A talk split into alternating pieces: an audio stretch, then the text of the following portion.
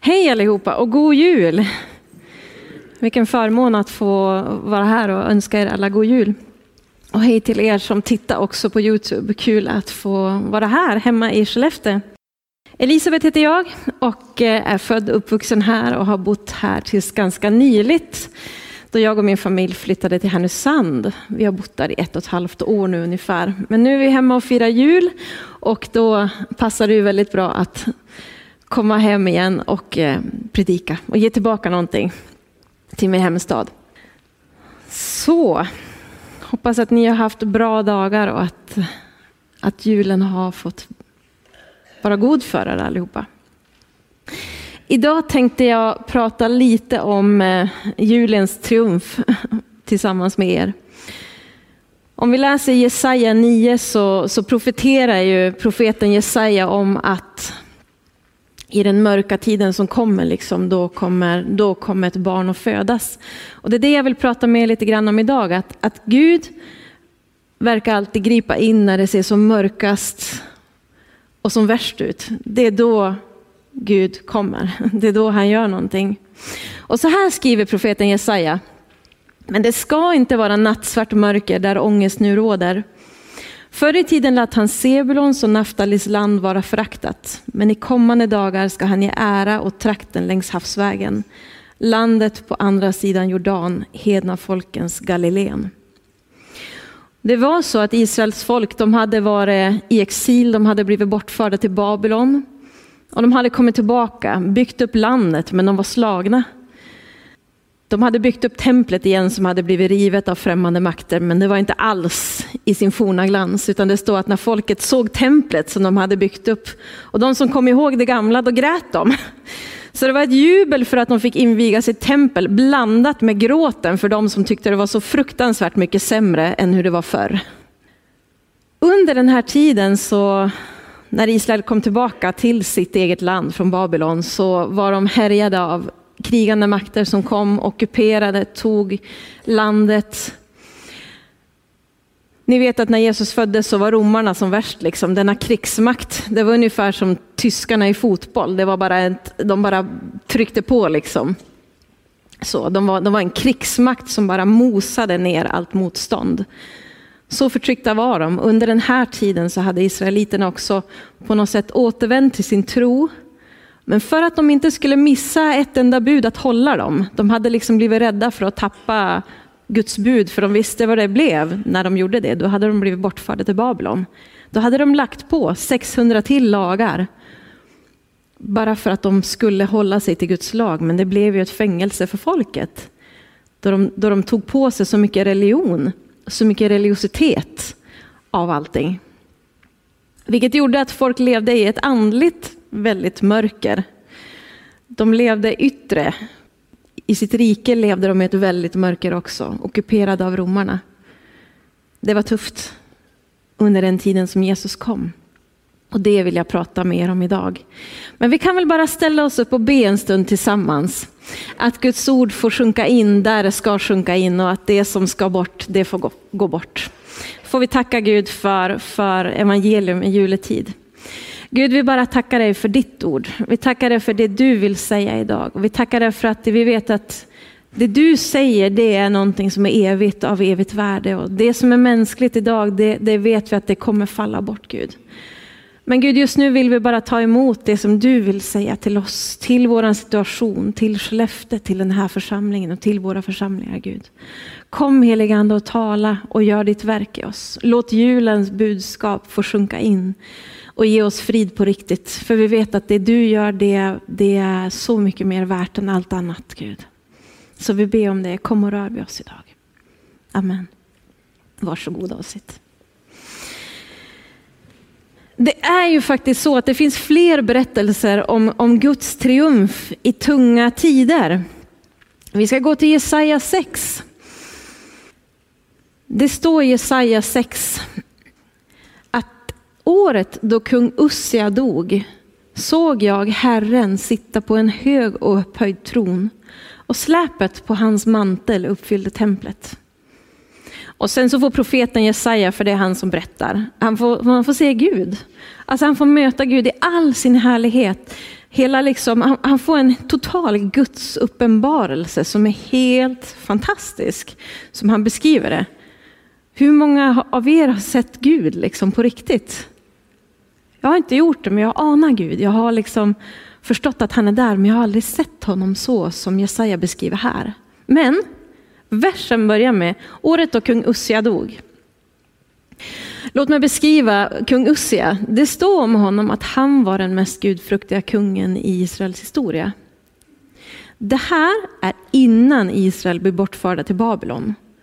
Och de blir bortförda för att det är så många ogudaktiga kungar som leder folket fel. Men kung Ussia, han är en av dem som verkligen vill följa Gud. Och tänk då att en Herrens profet som älskar Gud får tjäna under en kung som gör rätt. Det måste ju vara fantastiskt. Hur ska det då kännas för den här profeten, omgiven av mycket ogudaktighet, när kungen dör? Skulle det kännas som att allt hopp dör också då, kanske? Men det året får han se Gud. Det är, liksom, det, det är Guds sätt att göra. När det ser som mörkast ut, då får vi se Gud. Och det är julens berättelse också. När det är som mörkast, då får vi se Gud. Då kommer han och då gör han skillnad. Samma var det egentligen för Israels folk i Egypten, om vi backar bandet ännu längre baka i tiden. Israel hade flyttat till Egypten därför att det var hungersnöd i deras eget land. De kom till Egypten där det fanns mat. De behövde flytta dit. Men det blev inte bra för dem i Egypten med tiden, för de blev förtryckta av han som var kung, de blev slavar. Och när det var som mörkast, vad hände då? Då föds en liten pojke, Moses, som får rädda dem ut.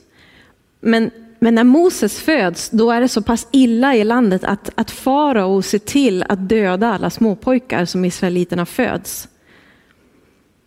Och trycket är enormt. Och då kommer Mose och reser sig upp.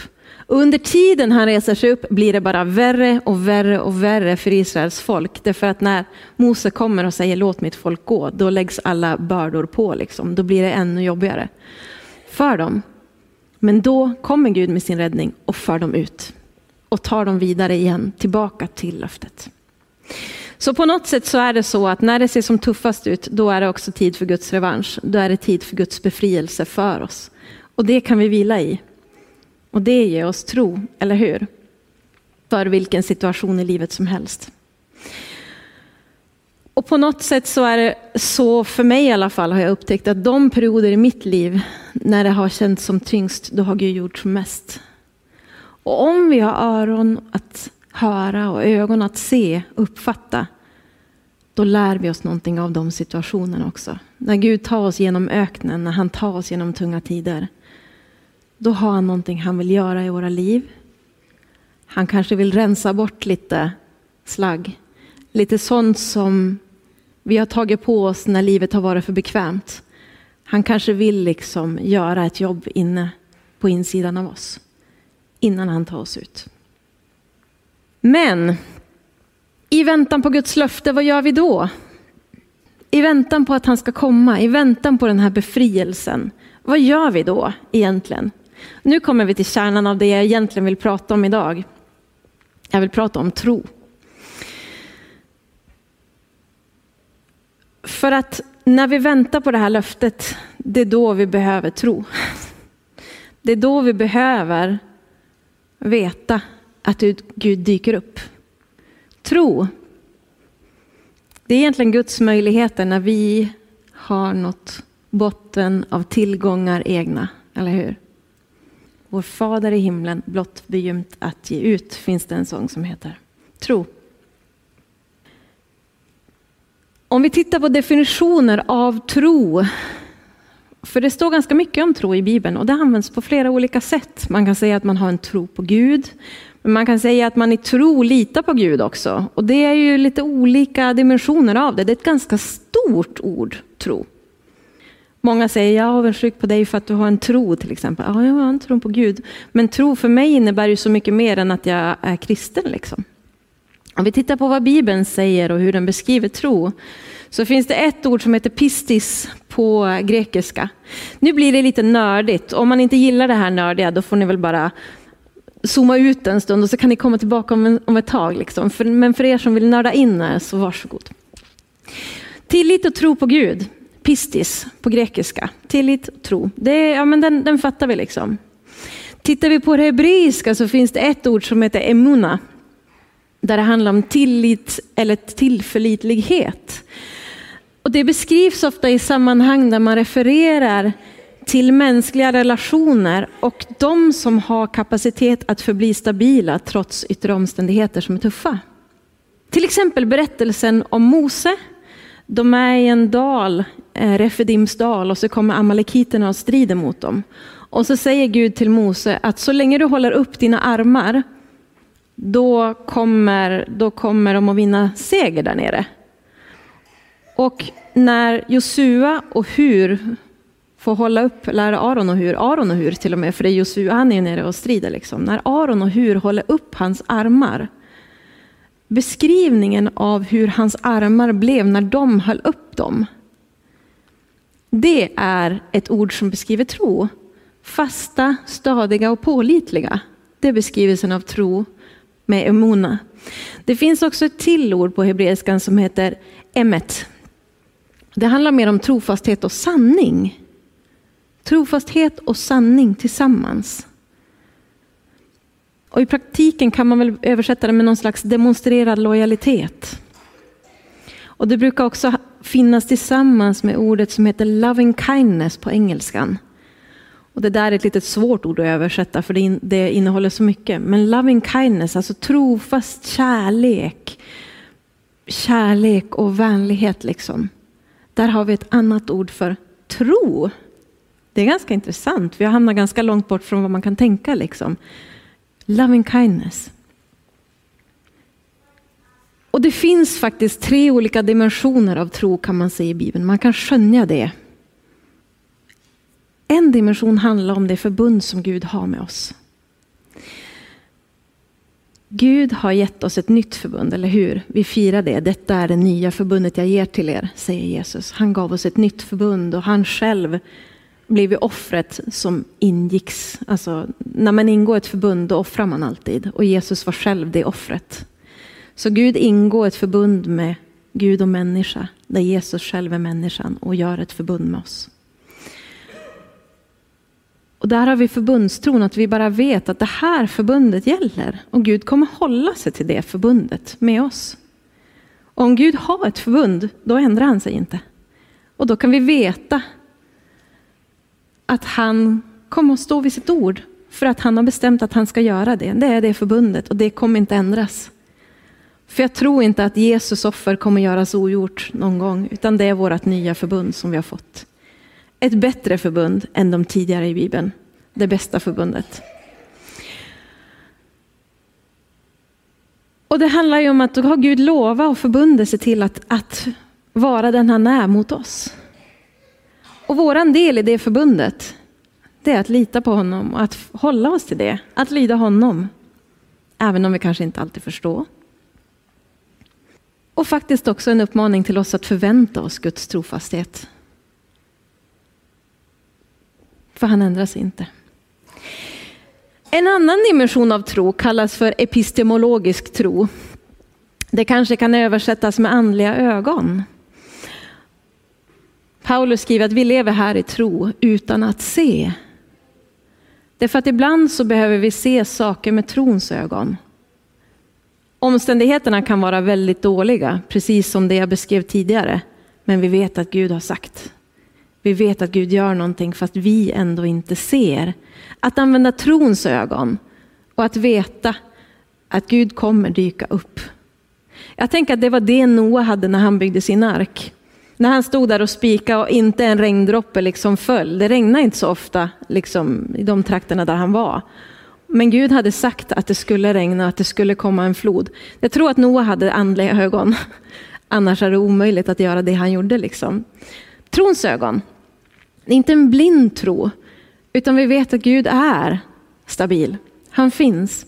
Och det ger oss andra ögon. Den sista, nu ska vi snart zooma ut från det här nördiga, men den sista. Eskatologisk tro, en tro på framtiden. Alltså, vi kan vila i att fast vi är människor så kan vi ha trons ögon. Men vi måste inse också att vissa saker kommer vi inte att se. Vissa saker kommer vi kanske inte att förstå förrän en dag när vi står inför honom. Och då får vi lämna sådana grejer också. Vi kanske inte alltid kommer förstå allting. Men vi vet att en dag kommer han och han kommer ställa allt till rätta. Han kommer att handla i rättvisa mot oss. Han kommer att straffa synden och orättfärdigheten. Och han kommer också att komma ihåg oss som har varit rättfärdiga. Och det kan vi lita på, att en dag så kommer Gud att ställa allting till rätta. Fridsfursten kommer att stå här och upprätta sitt rike. Liksom. Därför kan vi ha en positiv syn på framtiden. Ja, nu zoomar vi ut lite grann från det här och går tillbaka. Men det är ju så att, att Gud står fast vid sitt förbund. Det finns ju en sång som, som har den strofen i sig också. Och tro i Gamla Testamentet omnämns hela tiden tillsammans med en relation. Det är inte liksom en, en sak vi utövar i vårt huvud. Nu ska jag tro, jag ska tro, jag ska tro. Nej, utan det handlar om en relation. Och det står det i Hebreerbrevet 11 och 6 i trons kapitel. Vill man verkligen fördjupa sig och påminna sig om vad det handlar om så kan man läsa Hebreerbrevet 11. Det är min rekommendation. Gå hem och läs det sen. Fantastisk berättelse, fantastiskt liksom där det lyfts fram. Men det står det där att utan tro är det omöjligt att behaga Gud. För den som kommer till Gud måste tro att han finns och att han lönar dem som söker honom. Är inte det relationellt så säg. Alltså det går inte att behaga Gud om vi inte har tro. Därför att vi måste tro att Gud finns. Ja, okej, okay, den, den kan vi ta. Men vi måste också tro att han gillar oss. Eller hur? Alltså om jag kommer till Gud så måste jag tro och lita på att han blir glad av att jag kommer till honom. Att han lönar mig om jag söker honom, inte att han straffar mig. Jag måste välja att lita på att Gud är god. Det är så det handlar om. Det är inte någonting jag ska prestera, nu ska jag ha tro. Utan jag måste bara lita på att Gud är god. Och att därför är det helt naturligt att jag kommer till honom ofta och jämt. Jag hörde en gång en äldre tant säga så här, att besvära då inte Gud med att be för mig, utan gå till alla, be för barnen i Afrika som har det tufft. Och då tänker jag att då har man verkligen missat hela alltet. Besvära verkligen Gud med att gå till honom, för det är det han vill. Han vill att du ska förvänta dig att han kommer vara god, att han kommer löna dig när du söker honom. Det är att ha tro. Det är att förstå att du är i relation med Gud. Och att han blir glad när du hör av dig. Vidare i nästa kapitel i Hebreerbrevet, efter det här trons kapitel, så står det också det. Låt oss ha blicken fäst på Jesus, trons upphovsman och fullkomnare. För att nå den glädje som låg framför honom uthärdade han korset utan att bry sig om skammen och sitter nu på högra sidan om Guds tro.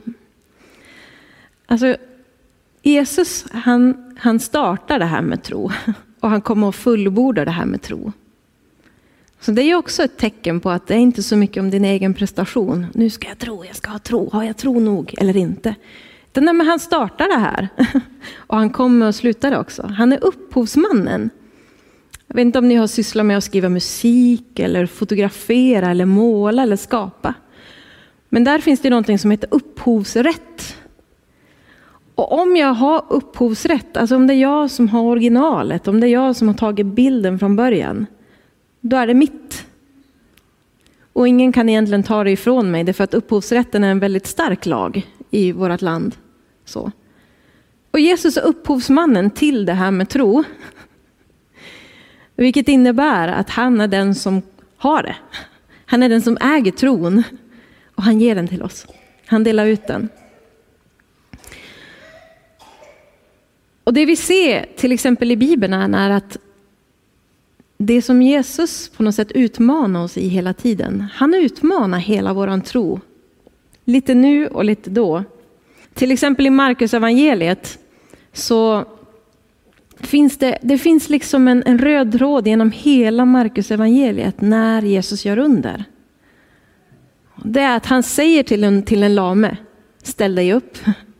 Han säger till mannen med en förtvinad hand, säger han, sträck ut din hand. Jesus kommer alltid att pröva våran tro för att han, han kräver av folket. Det här finns som en, en, en röd tråd genom hela Markus evangeliet till exempel. Gör det du inte kan. Och då gör Jesus ett under. Han prövar oss hela tiden i det som vi inte kan. Då gör han ett under också.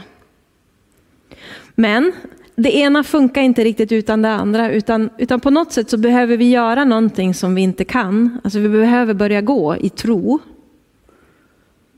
Om Jesus har sagt det. Då gör han ett under. Men om Jesus har sagt det, då gör vi det. Det är för att det behövs både och. Liksom. Men Jesus kommer alltid pröva våran tro. Och det här är en röd tråd genom hela Bibeln. Gud prövar den. När Israels folk gick genom öknen ut ur Egypten tillsammans med Mose så var det det som Mose och Gud hela tiden blev galna på. Och det som till slut nästan fick Gud att vilja förgöra hela folket. Men Mose ställde sig i vägen och sa, du kan inte göra så här. Det är för att folket, de hade inget vatten och då säger de, Åh, det var väl det vi trodde, vi kommer vi kom att dö här i öknen och, och liksom så. Men det är då Gud säger till Moses, slå på klippan och så kommer det vatten ur den. Men folket, så fort någonting gick dem emot, då började de gnälla och klaga. Och Jesus säger det till lärjungarna lika fullt när de sitter i båten och när det blåser och stormar. Så lite tro ni har. Var är eran tro? Jesus kommer alltid att pröva våran tro. Det här är väl det som är växandet och att vara människa, eller hur? Inte min favorit. Jag gillar inte att vänta. Men hur visar sig tro för oss människor? Att leva i tro, ett liv i tro. Jo, det innebär att vi, vi får lyda och vara trofasta Guds ord. Det är för att vi vet att om han har ett förbund med oss, då, då har han bestämt sig för att hålla sig till det. Men våran del är också att lyda när han säger någonting och att hålla oss till hans ord, det han har sagt. Eller hur? Det innebär också att vi litar på honom fast vi inte ser saker med mänskliga ögon. Det kan se mörkt ut. Men vi väljer att lita på honom ändå. Har han sagt att vi ska vara här och vi är där, men ingenting händer, då stannar vi kvar. Det är lite som i militären, jag vet inte om ni har gjort lumpen någon gång, inte jag, men om man har gjort lumpen då tror jag man får lära sig att, att följa grundorden. Om vi är på en marsch ute i skogen och har gått i en mil och sen så händer saker liksom så. Då hittar vi inte på egna saker och springer iväg och hittar på saker och improviserar. Utan vad var grundorden? Vad var, vad var orden från början? Håll dig till den, grundorden. Och om Gud säger någonting nytt, ja men då går vi. Men annars stannar vi. För har Gud sagt, så har han sagt. Och han kommer inte att glömma oss. Han kommer inte att glömma att vi har hamnat där ute i skogen och vandrat en mil, utan han vet var han har oss. Men ibland tror vi att han har glömt oss för vi tycker att det tar tid. Jag vet. Men i tillit. Det står i Ordspråksboken, förtrösta på Herren av hela ditt hjärta och förlita dig inte på ditt förstånd. Och jag tycker att många gånger så får jag verkligen försöka att koppla bort min egen hjärna ibland. Det är för att när jag börjar grubbla, då grubblar jag bort mig. Men när jag vet i mitt hjärta att Gud är trofast. Jag ser det tillbaka i tiden, att Gud har varit trofast. Då vet jag egentligen här inne på insidan att han kommer fortsätta vara trofast. För han håller sig till sitt förbund. Därför väntar vi in Gud. Och vi tar också steg i tro när han säger någonting. Det är inte alltid säkert att det han säger är precis det vi tycker känns bekvämt. Eller det vi vill göra. Men om han säger någonting, då kan vi lita på honom. Så vi väntar in Gud, men vi tar också steg i tro. Och vi hjälper varandra att vandra i tro. Vi hjälper varandra när det är tungt, när det är mörkt, när vi är nere. Då hjälper vi varandra att se med trons ögon. Jesus har ju sagt det att ni ska få kraft när den helige ande kommer över er att bli mina vittnen. Han har inte sagt att vi ska förklara allting och förstå teologi och förklara hela Bibeln varför det står som det står, utan han har bara sagt det, vittna om mig, berätta vad jag har gjort i era liv. Så enkelt är det. Och jag tänkte att det är här vi kan hjälpa varann. Så får jag se, hur många här finns det som har bevis att Gud har hjälpt er någon gång i livet, att han har varit trofast? Finns det några händer? Häftigt, det är ganska många. Om det är tungt för någon annan, visst vore det ganska enkelt att säga, vet du, han har hjälpt mig. Han gjorde det här för mig. Han kommer hjälpa dig. Var lugn. Det kommer komma. Vi hjälper varandra att se med trons ögon, att lyfta blicken. För det är klart, ibland vill jag också bara gå hem och dra täcket över mig. Liksom. Men om någon annan hör av sig och säger, vet du vad, han gjorde det här för mig, då får jag tro. För oss var det så att när vi skulle till Härnösand och skulle flytta dit så vi bor ganska fint ute vid havet här i Skellefteå. Vi har ett hus där. Och eh, vi anade nog att Gud ville ha oss i Härnösand. Och jag tänkte det att ja, men vi hyr ut vårt hus i Skellefteå. Det är ganska enkelt just nu. Och sen så hoppas vi att vi får hyra ett hus i Härnösand. Och eh, församlingen där undrade, ja men hur vill ni bo och var har ni tänkt att bo och sådär. Och då sa vi, ja vi vill, vi vill hyra ett hus, gärna vid havet. Och församlingen bara, okej. Okay. Det var lite krav, sådär, lycka till. Mm. Så. Tiden gick, tiden gick, tiden gick. Vi eh, behövde bo i Härnösand i augusti eftersom barnen skulle börja skolan. I början av juni hade vi fortfarande inget hus. Vi hade tänkt ha semester där också så vi ville flytta innan sommaren. Inget hus och till slut började vi tänka att ja, vi får väl leta efter lägenheter. Liksom. Så vi letade efter, vi började kolla efter någon lägenhet och hitta en lägenhet jättefint alldeles vid kajkanten just ovanför båthamnen och vila och segla och sådär. Så vi hittade en fin lägenhet där men det var ju inget hus. Kände vi det att men gud, vi, vi vill ju, du vet ju, du känner ju oss liksom. Du vet att vi skulle gärna behöva ett hus också. Vi har en liten hund hon behöver en trädgård liksom och springa i och sådär. Ja, men vi, vi, vi, vi, vi kör. Vi, vi fortsätter liksom. Du, får, du kommer lösa det här. Så vi åkte ner till Härnösand. Eh, jag hade ett möte i mitt jobb och skulle snacka lite mission med en kvinna. Och eh, så började hon fråga, men var ska ni bo då? Ja, vi, vi har en lägenhet alldeles här vid, vid vattnet så, och vi tänkte skriva på kontraktet idag. Så säger hon, nej, nej, ni kan bli våra grannar. Det är ett jättefint hus just bredvid oss, alldeles vid kajkanten. De har en bastu på gården och de ska flytta till Kambodja och jobba för, för UD i Kambodja. Och, och, de har sagt att vi får hitta nya hyresgäster för det blir ju våra grannar så att vi är ju liksom, vi är ju mäklare för dem. Och vet ni vad?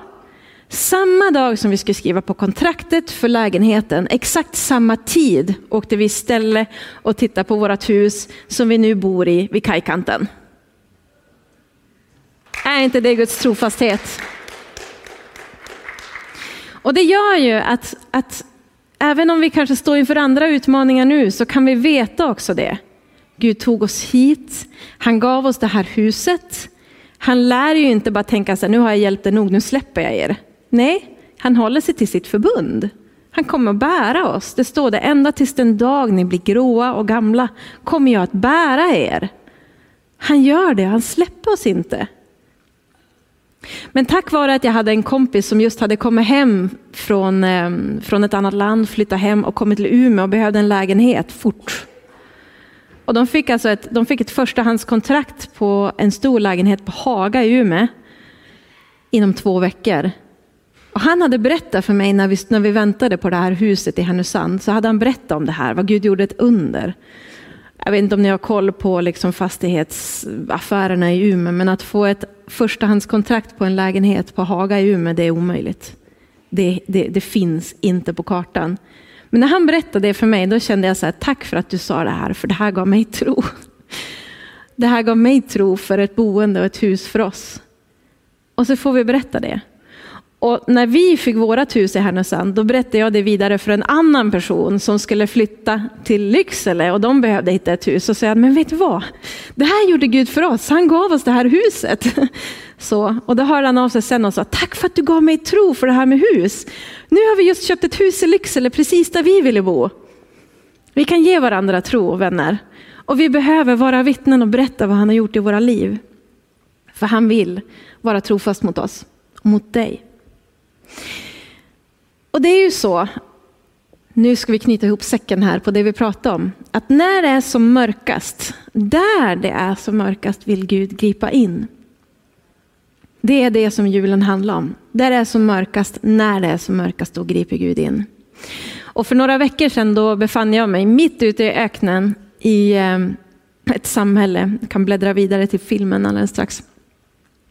Då befann jag mig på den här platsen, mitt på arabiska halvön. Satt på en sanddyn och tittade ut och sen hör jag ett bönutrop. Och så känner jag bara, Gud, grip in. Det är så mörkt.